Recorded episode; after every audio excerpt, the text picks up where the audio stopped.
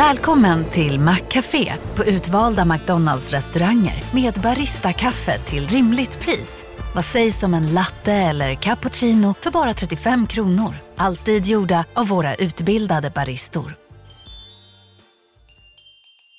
Hej, Susanne Axel här. När du gör som jag och listar dig på en av Krys vårdcentraler får du en fast läkarkontakt som kan din sjukdomshistoria. Du får träffa erfarna specialister, tillgång till lättakuten och så kan du chatta med vårdpersonalen. Så gör ditt viktigaste val idag, lista dig hos Kry.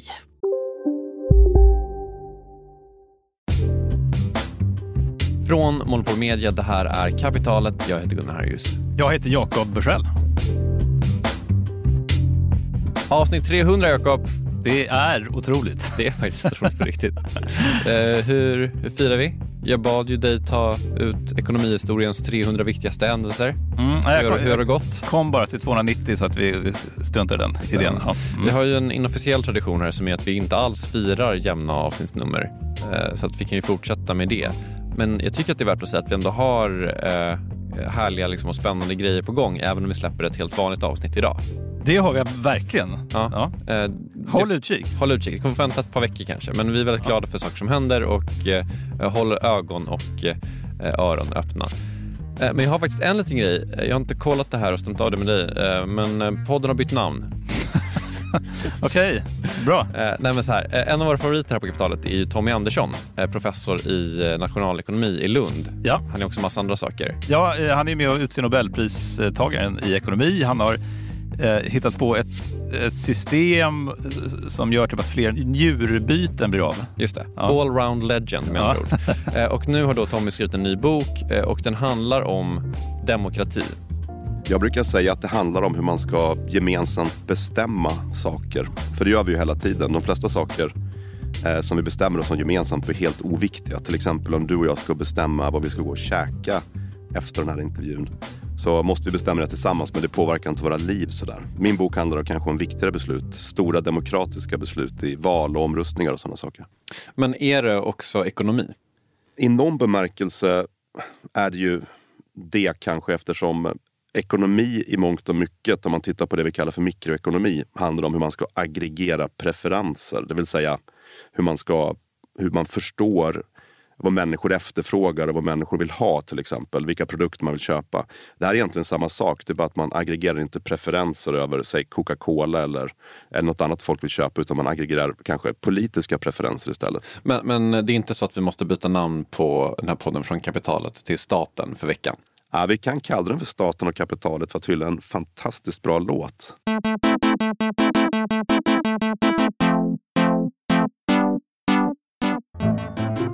Så idag, det första och sista avsnittet av Staten, men, men det är ju också eh, kapitalet. Med andra ord, en nationalekonom har tänkt extremt mycket på hur val fungerar. Mm. För även om vi kanske tänker på val som någonting som man bara kan göra på ett sätt, man går och lägger en lapp i ett kuvert och sen så blir någon statsminister, så finns det såklart massa sätt att styra upp val på. Och faktum är att hur man designar själva valet också påverkar utgången i det. Så hur man styr upp ett val, hur man absolut inte gör det och varför man kanske inte ska lita på en dödsstraffsomröstning efter det här.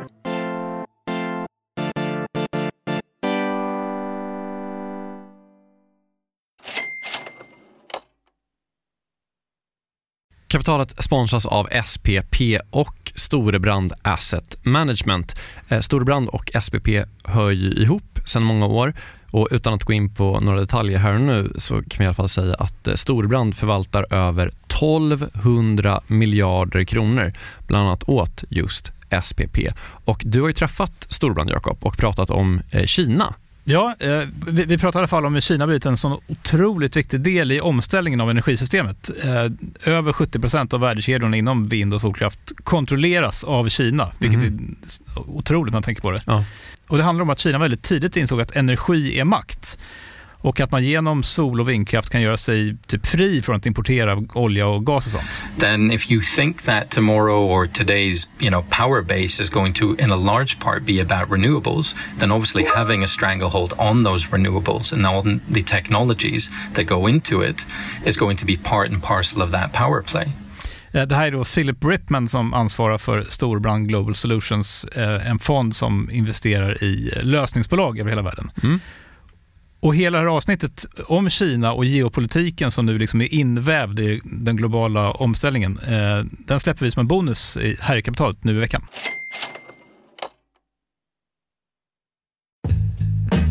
Jakob, vi pratar med Tommy Andersson om val, alltså val som är omröstningar. I, inte det vattenlevande däggdjuret. Nej, Varför gör vi det här? Men dels för att Tommy är härlig och för att han har skrivit en bok som heter Demokratiparadoxen. Eh, men också för att liksom val såklart får jättestor påverkan på vår ekonomi. Mm. Men också att man kan lära sig saker om aggregering och så här klassiska mikroekonomiska termer genom att studera eh, val och omröstningar. Just det. Men också för att det är kul. Ja. Vi ska prata om tre saker med Tommy idag. Dels hur man designar ett valsystem, eh, dels om agendasättning och sen lite om avrundning. Eh, men vi börjar med valdesign. Och Det som Tommy vill att vi ska ta med oss härifrån, det är att det inte finns några perfekta system och att olika system ger olika trade-offs och att man verkligen kan påverka resultatet i ett val beroende på hur man styr upp själva valet. Just det. Och, och vilka är de här trade-offsen? Ja, men lite förenklat så kan man väl säga att det finns två typer av val när man typ väljer en, en statsminister och sådär. Eh, det är då eh, proportionerlig representation, alltså som vi har i Sverige. Alltså får KD 6 så får de 6% av alla ledamöter. Just. Eh, och så finns det det man har i England och USA, som är alltså enmansvalkretsar. Alltså vinner du en valkrets så får du en person som representerar den kretsen. Ja. Och har du ett system som i Sverige, då får du mer korrekt representation enligt vissa parametrar. Alltså du får fler åsikter som representeras kan man väl säga. Mm. Och har du en enmansvalkrets så får du ofta bara två eller tre partier och därmed då sämre representation. Men å andra sidan är det lättare att hålla folk ansvariga och politiker ansvariga för de beslut som tas. Om man här i Sverige till exempel kan, eh, då kan man skylla på ja, det var den förra regeringen eller vi var tvungna att göra det här på grund av något samarbetsavtal som vi har gått in i som vi egentligen inte ville och det här är en kompromiss eftersom det är så många viljor som måste jämka så att säga. Däremot om man har i USA, man har majoritet i senaten, man har sin president och sådär. Om man säger demokrat, då finns det ingen annan att skylla på. Det är väldigt enkelt att förstå vem som fattar alla beslut. Så att det här, det finns en trade-off kan man säga mellan ha mycket representation men svårt att hålla politiker ansvariga för det de beslutar. Det här är ju hyfsat straightforward ändå. Just det. Jag, jag måste säga att jag inte tänkt på det här, men, men, men jag är med. Kör man proportionerligt som i Sverige så får man bättre representation. Har man enmansvalkretsar som i USA, England, då får man bättre ansvarsutkrävande. Då. Just det.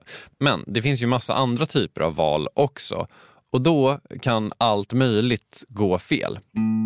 Vi skulle till exempel kunna ta kärnkraftsomröstningen i Sverige 1980 tror jag det var. När bestämde du dig?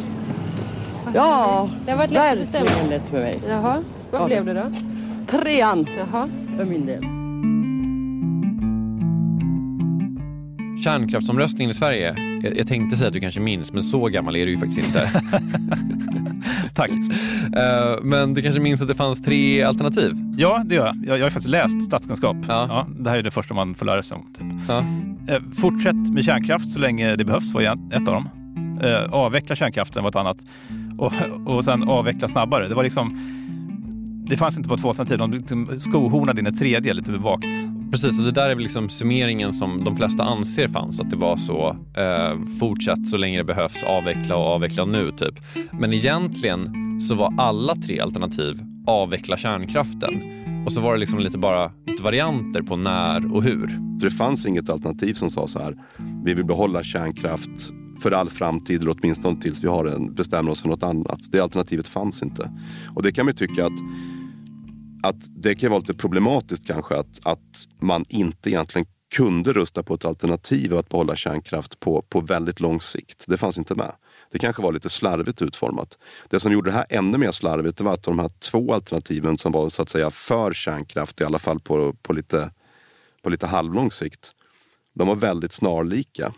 Det var till och med så att om du jämförde valsedlarna från det som kallades för linje 1 och det som kallades för linje 2 så var texten på framsidan av dem helt identisk.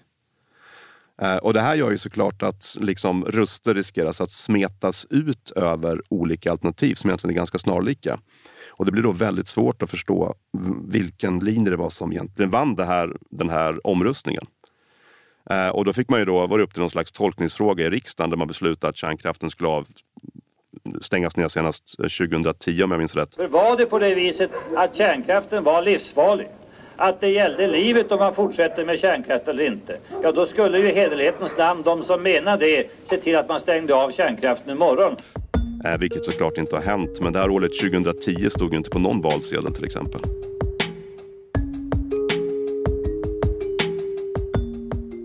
Så uppenbarligen där då så ledde de här lite vaga linjerna och utformningen till ett ganska vagt beslut. Och jag tror inte det är en för stor stretch att säga att det är en del till liksom att kärnkraftsfrågan faktiskt diskuteras än idag trots att vi haft en omröstning om det. Precis. Vad bestämde vi egentligen? Ja men exakt. Ja. Alltså, men det finns ju andra anledningar att prata om kärnkraft idag också men, men jag tror att det här är säkert spelar in lite grann.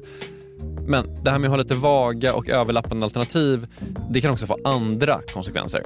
Jag har ett annat ganska intressant exempel som har att göra med en folkomröstning om dödsstraff. Eh, där det också fanns tre alternativ. Det ena alternativet var att man, var då, man kunde rösta emot dödsstraff, det vill säga att man inte skulle införa dödsstraff. De andra två alternativen var, var i olika grader för dödsstraff. Den ena då var för under lite mer väldigt specifika förhållanden som att göra någonting väldigt, väldigt allvarligt som ett massmord eller något sånt där. Medan den andra var att det räcker i princip med mord. Så det finns då tre alternativ här. Två är för dödsstraff, ett är emot och inget fick majoritet. Så vad händer då?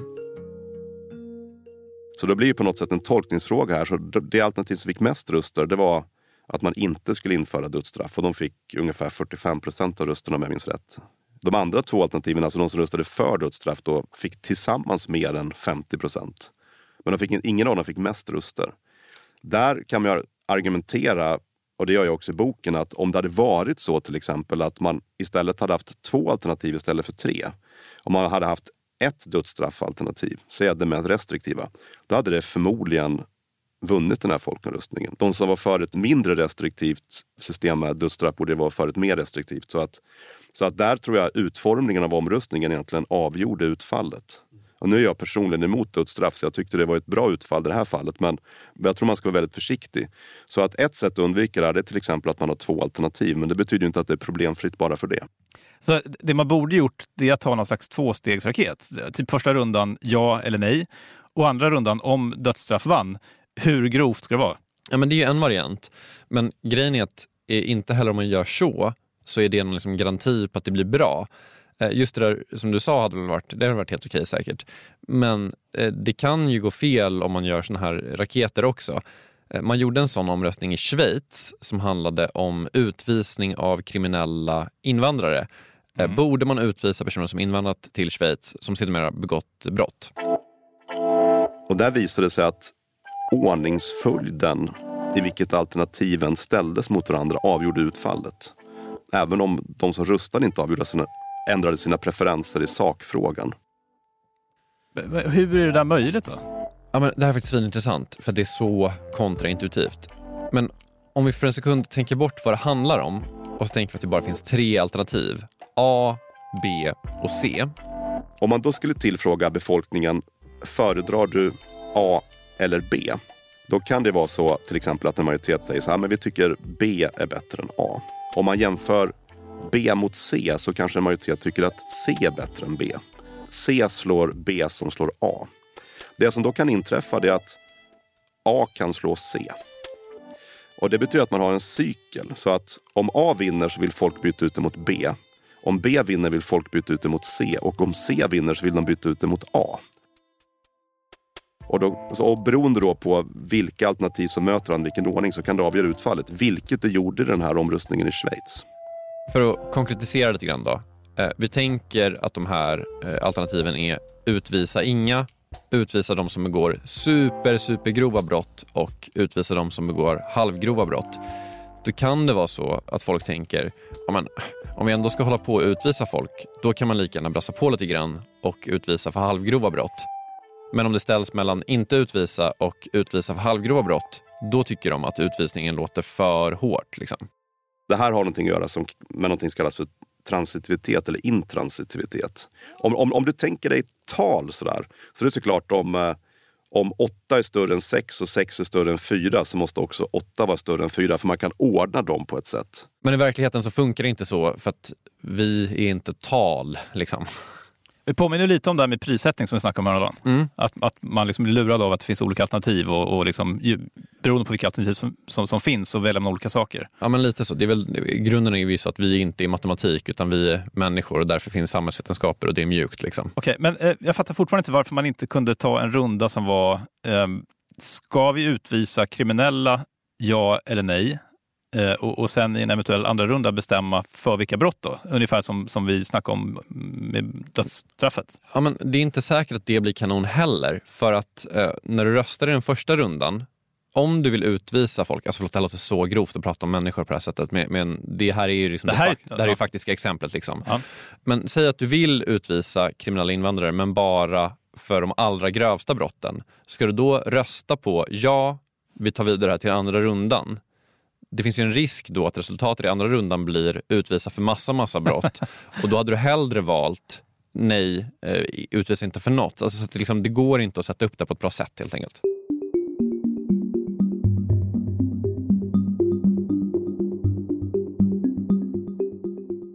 Det man kan landa i här är eh, föga förvånande att det inte finns något perfekt sätt.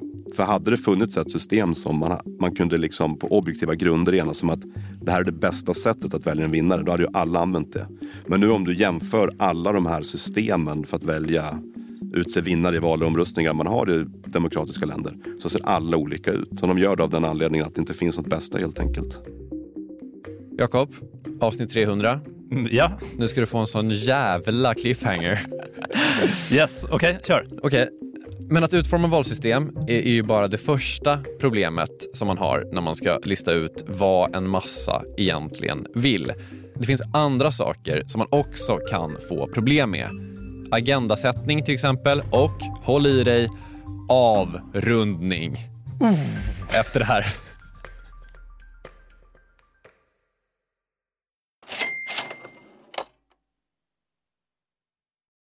Jakob, vi har ett samarbete med Pareto Business School och det här är jag rejält nyfiken på. För Ja. att eh, så här, vi jobbar ju sida vid sida, bokstavligen, sitter bredvid varandra och då och då så håller du upp ett finger och säger nu måste du vara tyst i en timme för nu ska jag eh, göra något Pareto.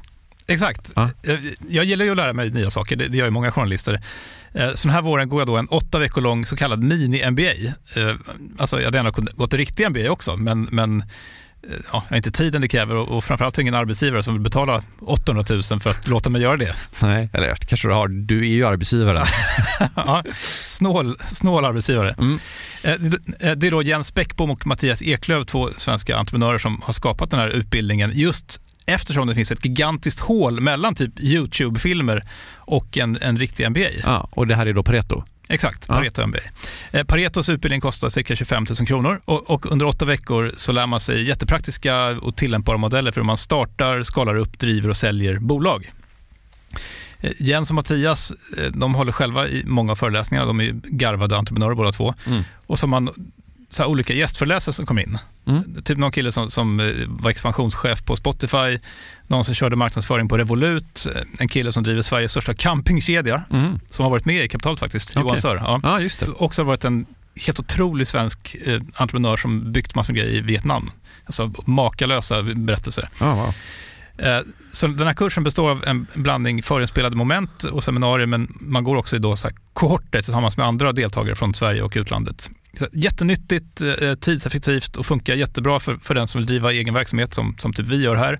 Eller om man typ driver projekt och affärer i större bolag. Wow. Om man är taggad på att eh, bli en del av den här, liksom, vad ska man säga, Jakob Kjell-skolan. Om man vill bli som dig, lära sig lika mycket som, som du har lärt dig, vad, Ja. vad gör man då? Eh, Nästa kursstart är 5 april. Eh, Så vill man ta ett kliv framåt eh, i sin utveckling eller karriären eller så, eh, gå då till arbetsgivaren och kolla om du inte kan gå den här utbildningen. Eh, Priset ligger alltså på 2500 euro, men ni får 10% rabatt om ni anger Monopol Media som referens när ni eh, gör er anmälan. Mm. Eh, Man kan också gå in på paretoschool.com för att eh, läsa mer och ja, se lite smakprover från själva utbildningen. Då. Mm. Så att eh, man sparar jättemycket pengar för att gå Handels MBA och man sparar ytterligare pengar om man tar del av Monopol Media-erbjudandet. Ja, exakt. Ja, en no-brainer som vanligt. Plus att man blir ju eh, alumnkollega med mig då. Verkligen. Så stort, stort tack till eh, Pareto Business School och eh, gå in på paretoschool.com.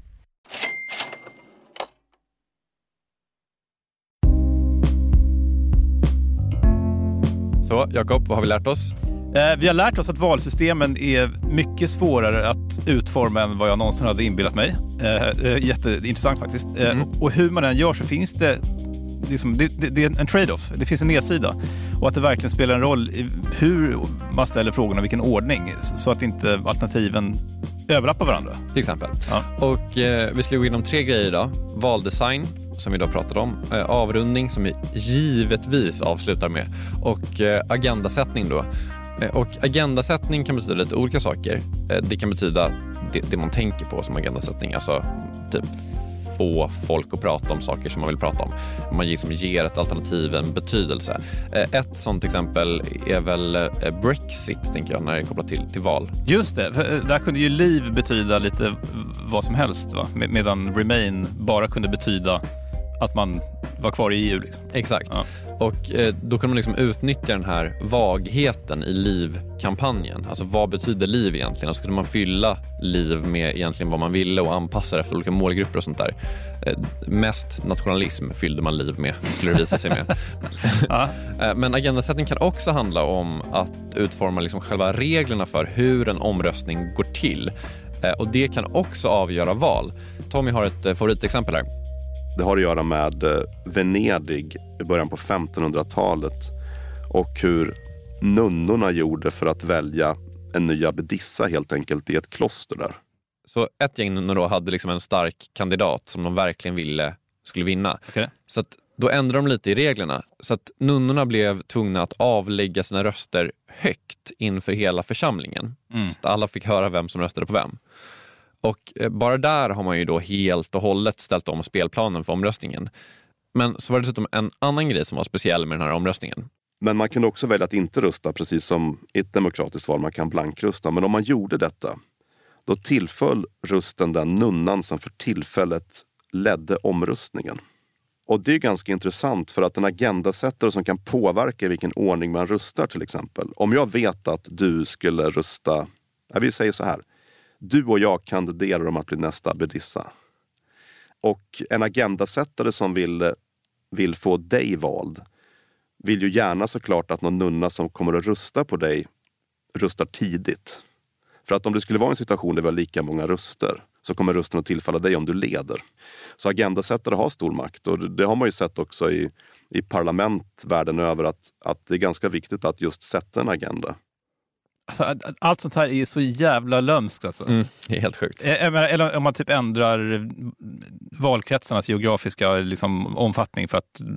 Ja, men det där med Ja. gerrymandering, Ja. det, är ju också en hel, det har ju verkligen med det där att göra också. Alltså man, kan ju, man kan ju i princip designa ett val så att man vinner det. Typ. Ja, och, och, om man får bestämma. Om man får bestämma, precis.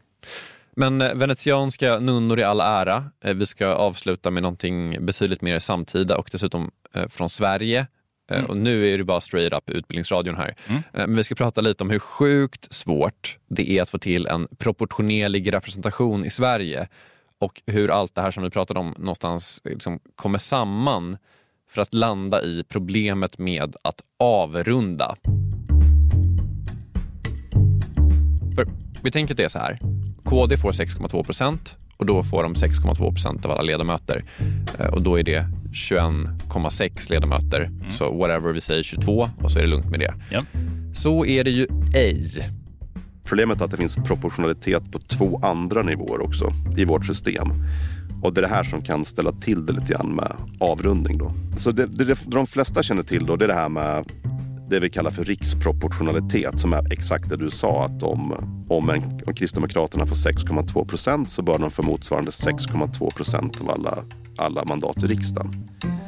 Men det är också så här att vi vill att alla politiker inte ska komma från samma del av Sverige. Vi vill inte att alla ska komma från Skåne eller Stockholm eller Norrland. Och därför så har vi också delat ut 310 så kallade fasta valkretsmandat som vi fördelar på valkretsarna. Och det, och, och det baseras på en eh, befolk, en räkning av befolkningen helt enkelt i april under valåret.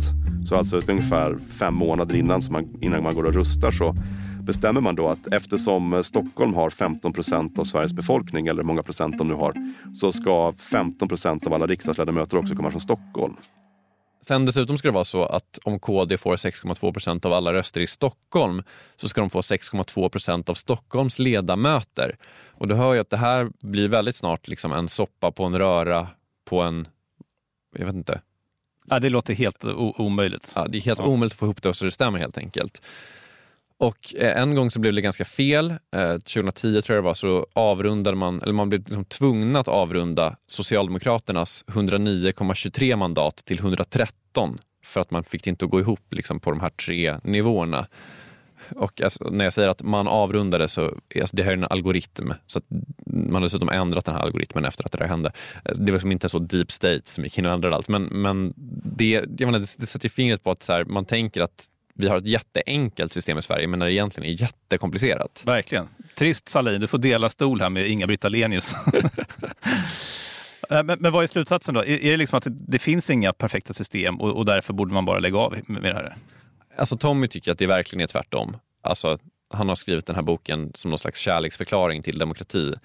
Eh, men att vi måste vara medvetna om att alla de här sakerna finns i systemet det finns inga perfekta system och typ därför måste vi fortsätta med det här. Jag tror att det finns en, en uppfattning bland många människor att så länge någon avlägger en röst, antingen vi som gör det vart fjärde år när vi får möjlighet att rösta i riksdagsval då, till regionen och, och eh, och kommunalvalet, eh, bara, eller riksdagsmän för den delen som voterar i riksdagen varje vecka. Bara för det händer så, så, liksom, så kommer allt att bli bra. Men det är så många andra saker som styr. Det är ju inte bara det faktum att människor går och rustar. För olika röster är värda olika mycket beroende på vart någonstans du bor i landet kanske. Eller beroende på hur din röst räknas eller om den inte räknas. Så, så det jag tror man kan, det man kan lära sig av alla de här exemplen det är att alltid när man ska försöka fatta ett demokratiskt beslut så ska man nog vara väldigt noga med att tänka igenom vilka spelregler man använder och varför. För det finns inget sätt att ta demokratiska beslut med hjälp av valsedeln som alltid är bäst. Och då kan det då finnas en del, man kanske kan undvika en del fallgropar genom att istället för att slentrianmässigt utforma någonting utan att tänka sig för egentligen, så borde man kanske fundera lite noga på vad man gör och varför och på vilket sätt som eventuellt en agendasättare kan påverka någonting. Eller åtminstone kanske man kan täppa igen det genom att man till exempel skriver ner regler för hur man, hur man bör tolka utfall av omröstningar och val.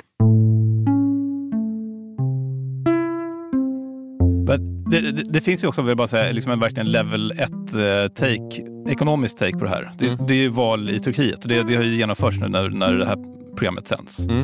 Eh, där har vi en president som tror att, att eh, som har liksom en helt egen syn på inflation. Att, att eh, lägre ränta ger lägre inflation. Mm. Ingen, annan tror det i världen.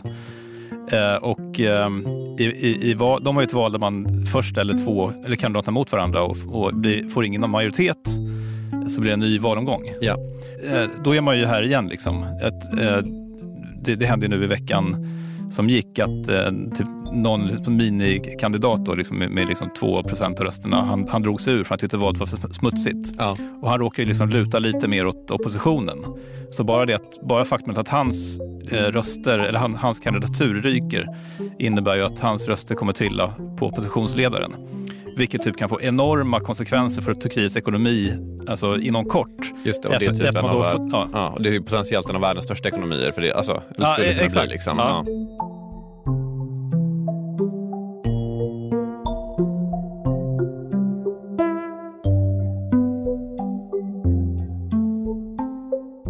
Eh, staten och kapitalet 300 är slut. Eh, vill du säga det vi brukar säga på slutet? Ja, eh, det vill jag gärna. Eh, kapitalet det görs ju av dig Gunnar Harrius och av mig också, Jakob Bursell. Vi har en underbar kollega som heter Kristoffer Krook som har mixat det här. På Twitter heter vi Kapitalet och vi är tillbaka väldigt snart igen. Och som vi sa, vi har lite roliga nyheter som kommer inom kort. Mm. Fortsätt lyssna. Gör det. Hej då. Hej!